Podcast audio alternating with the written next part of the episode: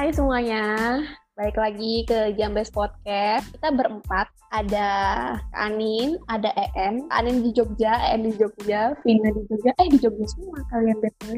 Aku di Pekanbaru. Aku Rizka. Halo. Halo.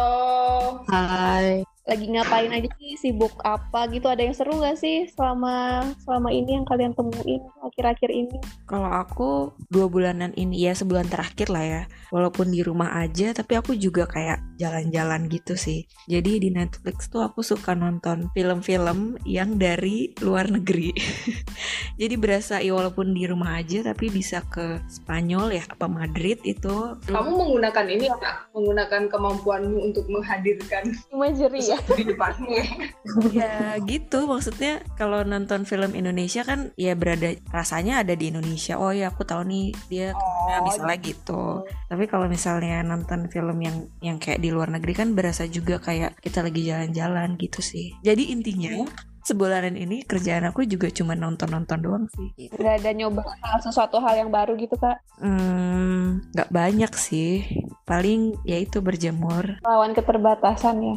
yoi Ay, Kak Anin tuh alergi matahari guys. Aku ya nonton juga sih, cuman yang yang ditonton nggak nggak kayak Kak Anin gitu. Aku kebanyakan malah nontonin interview public figure entah politisi entah apa gitu. Iya. Tiba-tiba kan semuanya harus harus bikin konten, nggak harus juga sih, tapi banyak yang bikin konten gitu. Jadi aku kayak malah sering dengerin mereka ngobrol-ngobrol gitu. Oh jadi banyak insight-insight baru gitu. Terus yang seru, em, oh jadi tahu sih kalau di beberapa public figure gitu misalnya ada yang dapat image-nya yang gimana gitu eh, cenderung negatif atau apa gitu kadang kalau misalnya nggak dikulik lagi pasti mentok di situ image itu doang. Tapi ternyata di satu sisi ada juga ini kayaknya bisa diambil ambil gitu si positifnya atau apa gitu. Gitu gitu sih. Serunya kan mikir banget ya. mencari tahu sisi lain dari seseorang. Iya. Tapi males juga kalau yang berat-berat kalau ya daripada yang apa maksudnya dengerin yang berita yang lagi rame atau apa gitu mending sekiranya menurutku lebih menghibur Siapa Itu sih. jurnalis yang pa- paling kamu sukain? jurnalis Eh, apa sih interviewer? Mana? Aduh, bapak itu kalau nggak satu lagi Pange sih Pange Pangeran Sehaan yang lebih sering ditonton sih Oh, kirain salah denger gue tadi. emang siapa kamu ngapain nih kamu kamu ngapain nanya-nanya mulu Oh iya, aku ya, aku sempat beli matras yoga karena aku puasa dan nggak kuat banget kalau udah keringatan gitu. Aku biasanya yoganya malam. oh abis buka puasa Iya, terus sorenya eh, masak. Jadi ya lumayan mencoba hal baru sih. wow Soalnya kalau tidur sama nonton YouTube tuh aku iya, tapi ya rebahan mulu kan juga capek ya. Punggungnya saya kapan lah nanti. Oh, karena kebanyakan rebahan kali ya, jadi butuh yoga untuk mengimbangi. Kayaknya ya melenturkan. Lain Vin kerja mulu. Kerja keras bagai kuda. Udah. Aku ngapain ya? Aku selain bekerja, aku boleh meninggi untuk meroket nggak? Jadi Tingginya sengaja. terus naik. udahlah serah Eh aku tuh abis belajar belajar. Aku tuh abis register di di, di apa kayak online course gitu. Apa Vin bye, kamu keluar aja, kamu belajar. Enggak. Eh, eh, enggak enggak itu enggak belajar. Ini kelasnya gimana? EN banget. Forensic Forensik. psychology. Iya Uh. forensik tuh. Gimana? Bagus. Murah sih, murah di Udemy. Gila, itu Udemy beneran belajar. baru baru register kemarin kali belum belum memperhatikan tapi kayak baca baca outline-nya tuh udah oh oke gitu terus jadi inget itu jadi inget kesukaan aku Yang mana? sebut Belajar. merek boleh Boleh kita film nggak Netflix oh iya bener dari juga tadi kita ngomong merek Iya, mulu iya, gitu iya. Abis nonton Money Heist juga kan, jadi kayak ngeling gitu. Money Heist kan eh maling gitu kan, apa ya perampokan, perampokan. Mm, perampokan. Eh, terus kayak ya nam- terus namanya series kan dinamikanya kelihatan banget tuh. di sini yang nggak nonton siapa aku doang apa ada yang lain Kamu doang kayaknya. Eh kesian lu En, lu harus nonton En. Ada satu sindrom kalau lu lihat di season 1 2, season 1 2 ya mereka berkelanjutan sih. Jadi long story short mereka itu 4 season gitu sampai sekarang masih ongoing. Terus ada episode season 1 2-nya tuh yang yang menurut gue psikologis sih karena dia ngomongin Stockholm syndrome gitu. Pernah denger nggak? Pernah. Baru Aku sih tahu. tahu-tahu aja maksudnya tapi belum yang yang gimana banget gitu. Iya, ya itu sebenarnya side story aja sih, nggak bukan story utamanya, tapi dapet sih dia jelasinnya di situ. Iya aku juga juga lihat sih dan dari dari Money Heist itu baru tahu juga oh ada ya istilah Stockholm Syndrome-nya.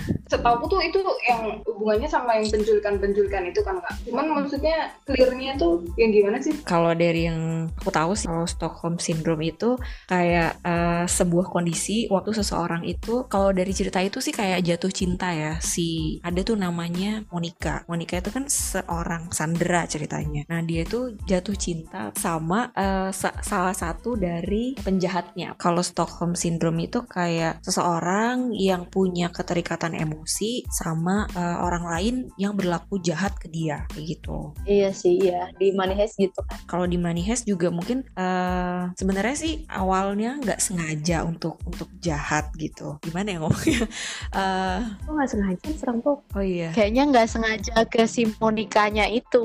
Oh, Maksudnya. ya gitu terus em, gimana ya aku gue jadi lupa ceritanya Eh, aku cerita yang bagian itu aja ya biar nggak spoiler. Si, si Monica itu kan ngerampok tuh En, ngerampok, Mm-mm. ngerampok bang. Malah lengkap ceritanya. ngerampok kan. Gue aja, gue aja yang cerita, gue aja yang cerita. Iya ya udah ya udah oke. Oke oke oke oke. Eh, jadi kan eh, ada satu komplotan beberapa orang maling gitu nyuri terus rampok terus habis itu pokoknya eh, ada yang disuruh tuh nembak nembak si Monica karena satu dua alasan lah tapi Oh, iya. ternyata tapi nggak mati terus akhirnya sama si Denver ini disembunyiin disembunyiin jadi dirawat lah lukanya kan udah ditembak tuh tapi nggak mati dirawat lah lukanya terus kayak dia ngerasa wow ini ternyata superhero ya orang ini nggak jahat padahal ya rampok maling gitu Oh jadi kayak eh, apa ya dia menyimpulkan dari satu perlakuan gitu padahal dia nggak ngelihat secara umum bahwa si yang ngelakuin ini siapa Denver ini Yes. rampok gitu ya. Itu jadinya distorsi nggak maksudnya itu persepsinya jadi dia salah nangkep gitu nggak? Nah, itu En, Nah. Stockholm Syndrome itu terjadi ketika ada orang yang meng, bukan mensalah arti gimana ya? Dia tuh di posisi dia takut banget, tertekan, stres gitu kan, kayak eh berarti kan pasti takut dibunuh, ancamannya nyawa kan. Salah satu yang Mm-mm. yang selamatin tuh nyawa, bukan nggak mikir lagi tentang harta anak atau gimana. Respon yang terjadi adalah dia malah menganggap penjahat ini em, membantu dia untuk selamat. Jadi dia menilai bahwa penjahatnya tuh baik, padahal ya itu bener distorsi nggak sih jatuhnya. Iya, karena mungkin uh, yang tadi Vina bilang kan harusnya tuh dia ditembak nih dibunuh, tapi si Denvernya malah nyelamatin dia gitu. Ya memang sih ada peran uh, sifat pelaku yang enggak benar-benar menyak bukan enggak benar-benar menyakiti, tapi ada sebuah perlakuan yang menyelamatkan gitu. Jadi walaupun si Monikanya ini merasa terancam bakal dibunuh, tiba-tiba ada sosok seseorang yang uh, tanda kutip menolong dia gitu, menyelamatkan dia. Terus kan dia jadi uh, ada shifting gitu ya dari dari persepsinya dia uh, yang tadinya dia takut, terus tiba-tiba jadi ketemu superhero gitu ya tadi kalau bahasanya Vina. Iya jadi salah arti gitu lah. Persepsi bukannya dia melihat situasinya lagi ada perampokan, lagi dia cuman kayak selamat jika dia nggak ditembak dan dia nggak dibunuh. Tuh dia malah ngelihatnya cuman perampoknya itu nyelamatin diri dia. Dia nggak lagi ngelihat bahwa dia sedang terancam. Padahal kan di luar tuh masih ada polisi, masih banyak orang yang bakal kayak jalur hukum gitu-gitu kan. Padahal Oh iya, iya, iya. paham paham sih. Eh, terus mereka kelanjutannya gimana? Jadi ada relationship atau apa apa? Soalnya tadi aku nangkep penjelasannya di Kak Anin yang awal tadi kayak jadi ada ikatan emosional atau apa itu aku nangkepnya kalau itu arahnya terus ke relationship. Iya, akhirnya mereka menikah. Bukan akhirnya sih, tapi belum sampai akhir ya. Tapi memang diceritakan itu, ya mereka menikah gitu. Memang bener-bener sih itu beneran jatuh cinta gitu kan sama Denvernya. Hmm, Tahu banget kayak eh, bahkan pas Sandra lainnya nyuruh kabur tuh dia kayak maunya ikut kan. oh jadi dia emang benar-benar udah terikat gitu ya? Iya. Nggak nggak bisa bisa ngelihat opini orang lain kalau dia tuh perampok loh gitu-gitu ya. Iya, another spoiler ya dia ya bergabung bersama menjadi bagian dari Lah, Tapi pada tertarik nggak sih kayak eh, Stockholm Syndrome ini udah lumayan banyak diperbincang. ya aku tuh pernah ini tuh nih jadi keinget aku pertama kali apa maksudnya aware gitu sama Stockholm Syndrome nih Hmm. secara nama gitu pas Hmm. lagi nonton acara kesukaan kita semua nggak deh nggak tahu deh Ah. itu dua host itu yang udah nggak ada sekarang. iya yang lagi vakum sekarang katanya Oh iya, pas iya. Ramadan Eh, enggak, emang di host itu ngomongin Stockholm Syndrome. Iya, jadi ada ada satu itu Mbak Yulia Oh. Amirin itu dia ngomongin Stockholm Syndrome itu, tapi cuma sekilas gitu sih. Terus sama hubungannya di relationship kita sehari-hari gitu. Jadi keinget ya beberapa kasus kayak kalau misalnya itu mau dimasukin Stockholm Syndrome kayaknya masuk-masuk juga sih. Iya, jadi Stockholm Syndrome ini emang awalnya keluar istilah itu tuh dari ada kasus perampokan di tahun 1973 di Stockholm, Swedia, makanya namanya Stockholm. Terus kebetulan si film Money Heist itu juga ceritanya tentang perampokan, jadi kayak relate banget sama Stockholm Syndrome itu. Selain itu, Stockholm Syndrome ini juga bisa dimaknai atau eh, apa sih punya makna perluasan ke dalam sebuah hubungan. Yang aku tahu sih, yang pernah aku baca, Stockholm Syndrome ini bisa terjadi dalam sebuah hubungan di mana ada eh, ketidakseimbangan power gitu antara misalnya hubungan itu kan minimal dua orang ya antara orang A dan orang B itu powernya lebih besar satu sisi kayak gitu. Dan itu bisa bisa menimbulkan Stockholm Syndrome gitu. karena kondisi power yang nggak seimbang. Ya maksudnya relasi itu luas ya. Bisa relasi eh, dengan pasangan bisa relasi dengan eh, orang tua dan anak bahkan bisa juga relasi atasan dan bawahan di kantor. Jadi seru sih kalau misalnya ngebahas tentang Stockholm Syndrome ini bisa ibaratnya bisa dilihat dari berbagai aspek atau berbagai sudut pandang pengalaman kayak gitu Kan tadi Kak Anin bilang ya relasinya bisa sama siapa aja gitu. Pernah nggak kalian nemuin?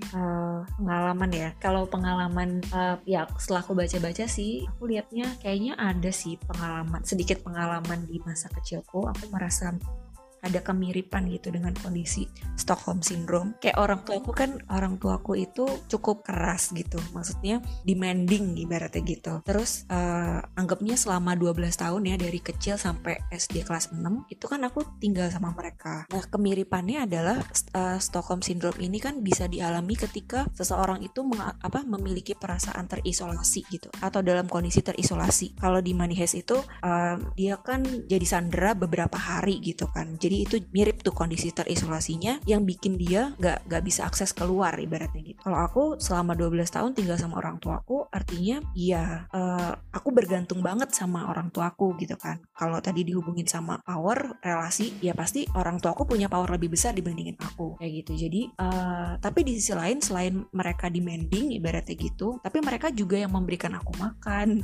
mereka yang membiayai aku sekolah. Ya kayak ya aku nggak bisa bergantung sama orang lain selain orang tuaku kayak gitu kan. Tapi di sisi lain juga aku ada perasaan yang eh, kok mereka demanding banget kayak gitu. Jadi aku rasa sih mungkin itu mirip ya dengan Stockholm Syndrome gitu.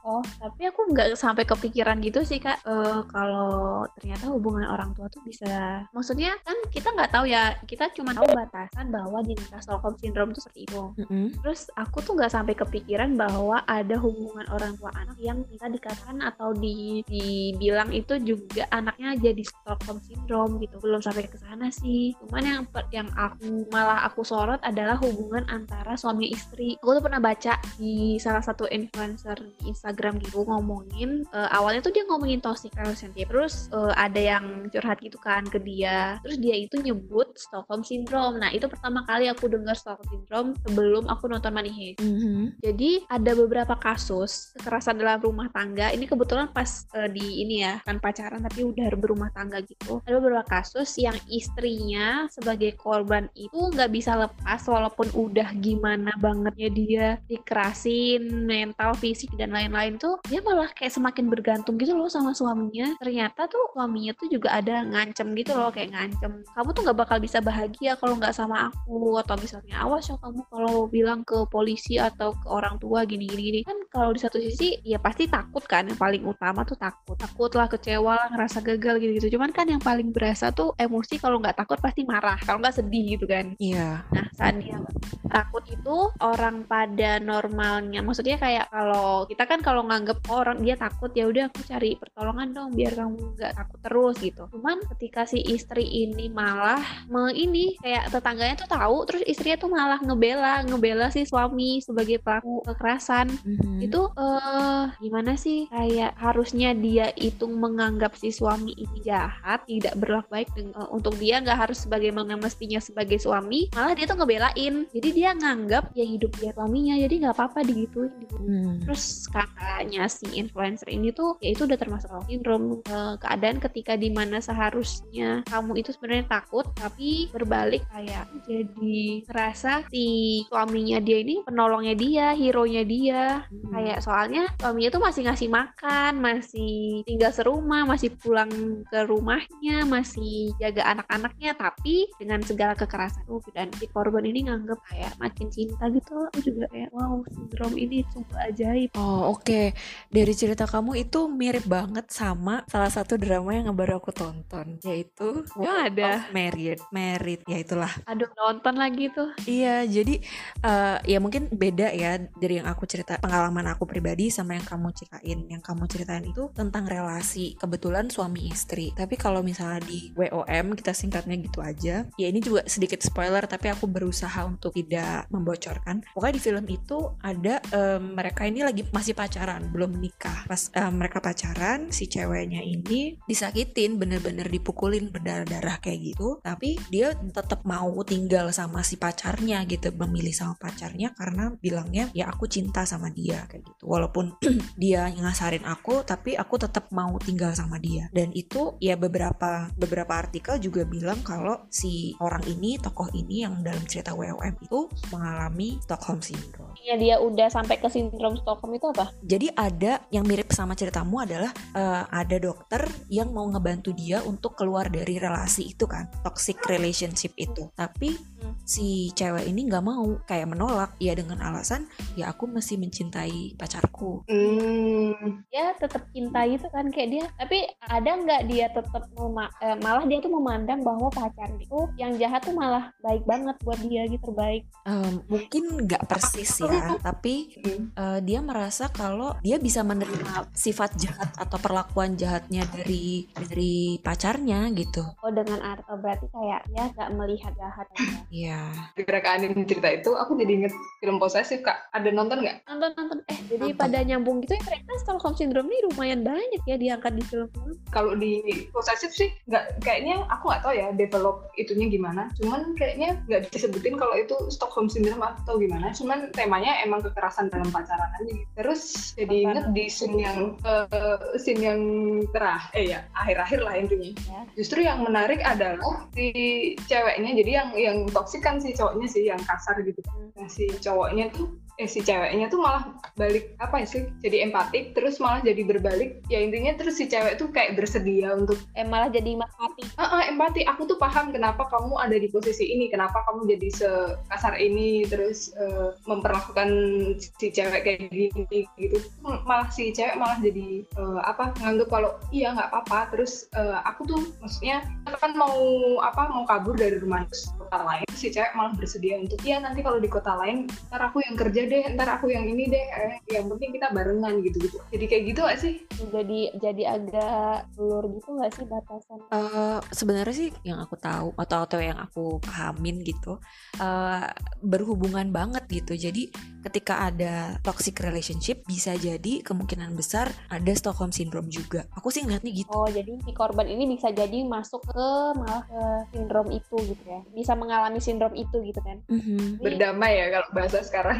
berarti indikator Stockholm syndrome itu kayak misalnya pasti ada eh, ketakutan di situ harusnya, terus ada situasi yang mengancam buat dia. Mhm. Yang dia yang dia rasakan adalah eh, malah menerima itu semua dan malah ya apa-apa gitu. proses menerimanya itu kayaknya sih nggak langsung ya pasti ada waktu misalnya dia kayak eh, dikerasin dulu atau diapain dulu diancam dulu terus dia ada rasa takut dulu terus mungkin karena lama kelamaan atau karena eh, telat dapat bantuan bisa jadi Hmm. itu yang membuat dia kayak eh, soalnya salah satu indikatornya itu ada helplessness gitu. Jadi ada proses dia tuh merasa wah gue gak ada yang bisa bantuin gue lagi nih gitu. Gue udah terpuruk banget gue nggak bisa minta tolong sama siapa-siapa. Ya udah cuman dalam kasus tadi suami istri cuman suami gue doang nih yang bisa nolong gue kan gitu. Atau yang ada di rumah bareng gue ini cuman suami gue doang. Jadi eh, di situ mulai ada distraksi kognitifnya kayaknya. Switch gitu yang tadinya merasa takut terus jadi nggak gue cinta gitu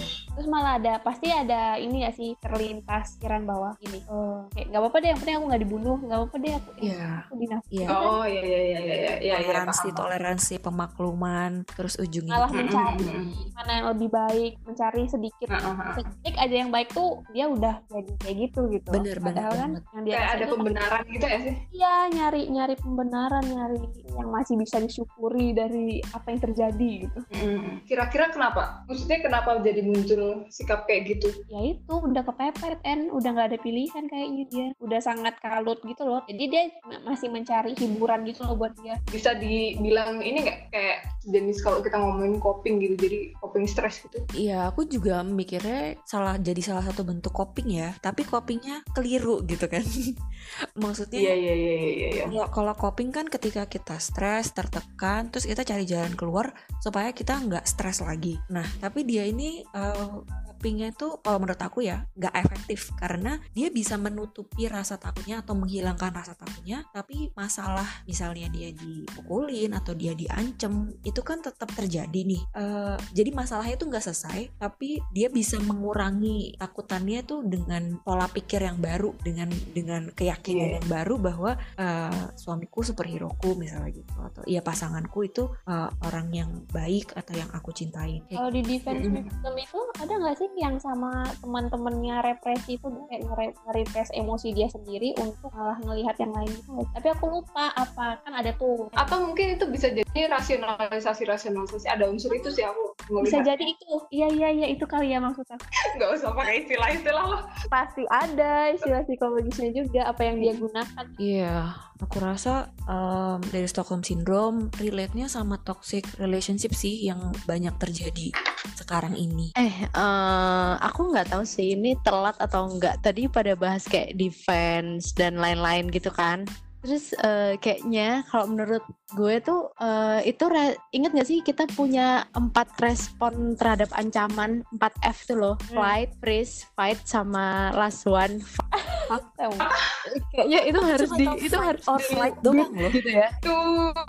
No, it's much more than flight or fight. Oke, Yes. coba dijelasin Ibu Vina. itu coba di itu coba di itu ya di di sensor ya yang tadi. Nah kayaknya kalau Stockholm itu le- lebih ke arah yang keempat kan. Jadi dia respon terhadap ancamannya itu mau kabur juga nggak bisa, flight nggak bisa, mau nge-freeze dia nggak ngapa-ngapain juga. Ya mungkin ada titik di awal dia freeze ya kayak bingung mau ngapain. Kalau di filmnya sih ada sih aku ngeliat kayak cuman ya beberapa menit ya pokoknya nggak lama lah dia kayak yang nge-freeze kayak bingung jadi ini orang ini baik atau enggak jadi dia bingung nggak bisa ngapa-ngapain itu ketika dia freeze sedangkan dia fight menurutku yang punya fight kalau pada nonton Money Heist tuh yang ada fightnya dikit tuh si Ariadna sama Berlin. Yang keempat itu ada di buku cuman disensor. Di buku tuh pakai bahasa lain gitu. Lupa deh di textbook ya the real textbook itu dia pakainya fa- apa gitu. Pokoknya H jadinya. Harusnya tuh 4F tapi jadinya 3F 1H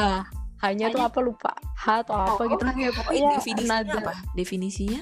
Ya akhirnya mau nggak mau kayak learn helplessness gitu loh. Kalau learn helplessness tuh punya sebelum dia ah ah, kayak ya udah ya making love is is my ya cope gitu. Kayak responku terhadap ancaman ya udah dicintain aja. Ini psikologi banget. kan Iya, iya, kayak diterima aja dicintai aja iya kan iya Ah, iya, iya, iya, iya iya. iya benar benar Ah, ah, ah. aja kamu here and now gitu iya iya Oh, iya sebenarnya itu empat cuman di buku tuh 3 F 1 H gitu atau satpa gitu lupa deh iya bisa bisa. Iya. Ya tadi yang Berarti aku itu bilang helplessness itu ya. Iya.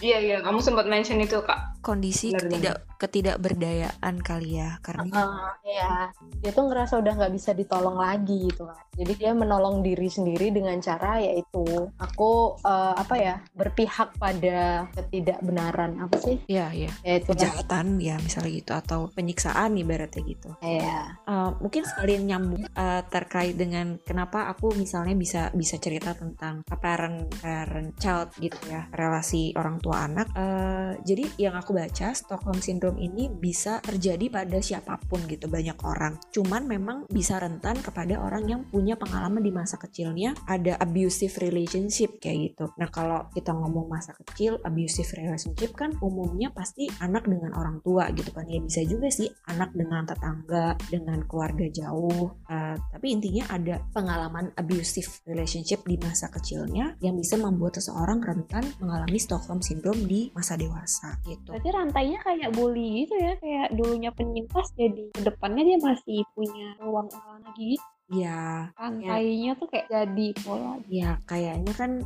beberapa atau mungkin banyak kasus psikologi gitu ya ada polanya gitu. Jadi sedikit aja gitu kayak nyinggung uh, bahwa itu bisa terjadi di berbagai jenis relasi. Terus uh, mungkin misalnya ada yang gimana ya caranya untuk mengatasinya gitu atau kalau kita ada di situ uh, kita harus kayak gimana? Kalau bisa di Stockholm Syndrome kita tetap balik ambil contoh si Manifest kenapa sih Monica tidak minta tolong? Kenapa eh, Monica malah memilih untuk menikah. Menikah kan artinya kayak ya udah itu keputusan final dia gitu kan. Nah eh, karena mungkin ya bener-bener mengalami Stockholm Syndrome itu tidak merasa dirinya bermasalah dan tidak membutuhkan orang lain gitu. Eh, nyambung sama ceritanya Mika misal dalam kasus suami istri ADRT banyak kan misalnya istri-istri yang nggak melapor nggak minta bantuan. Mungkin dia mengalami Stockholm Syndrome sehingga dia tidak mempercaya orang lain selain suami dia. Berbeda dengan mungkin kasus KDRT yang dilaporkan atau yang konsultasi eh, apa dengan psikolog cari bantuan. Bisa jadi dia itu mengalami PTSD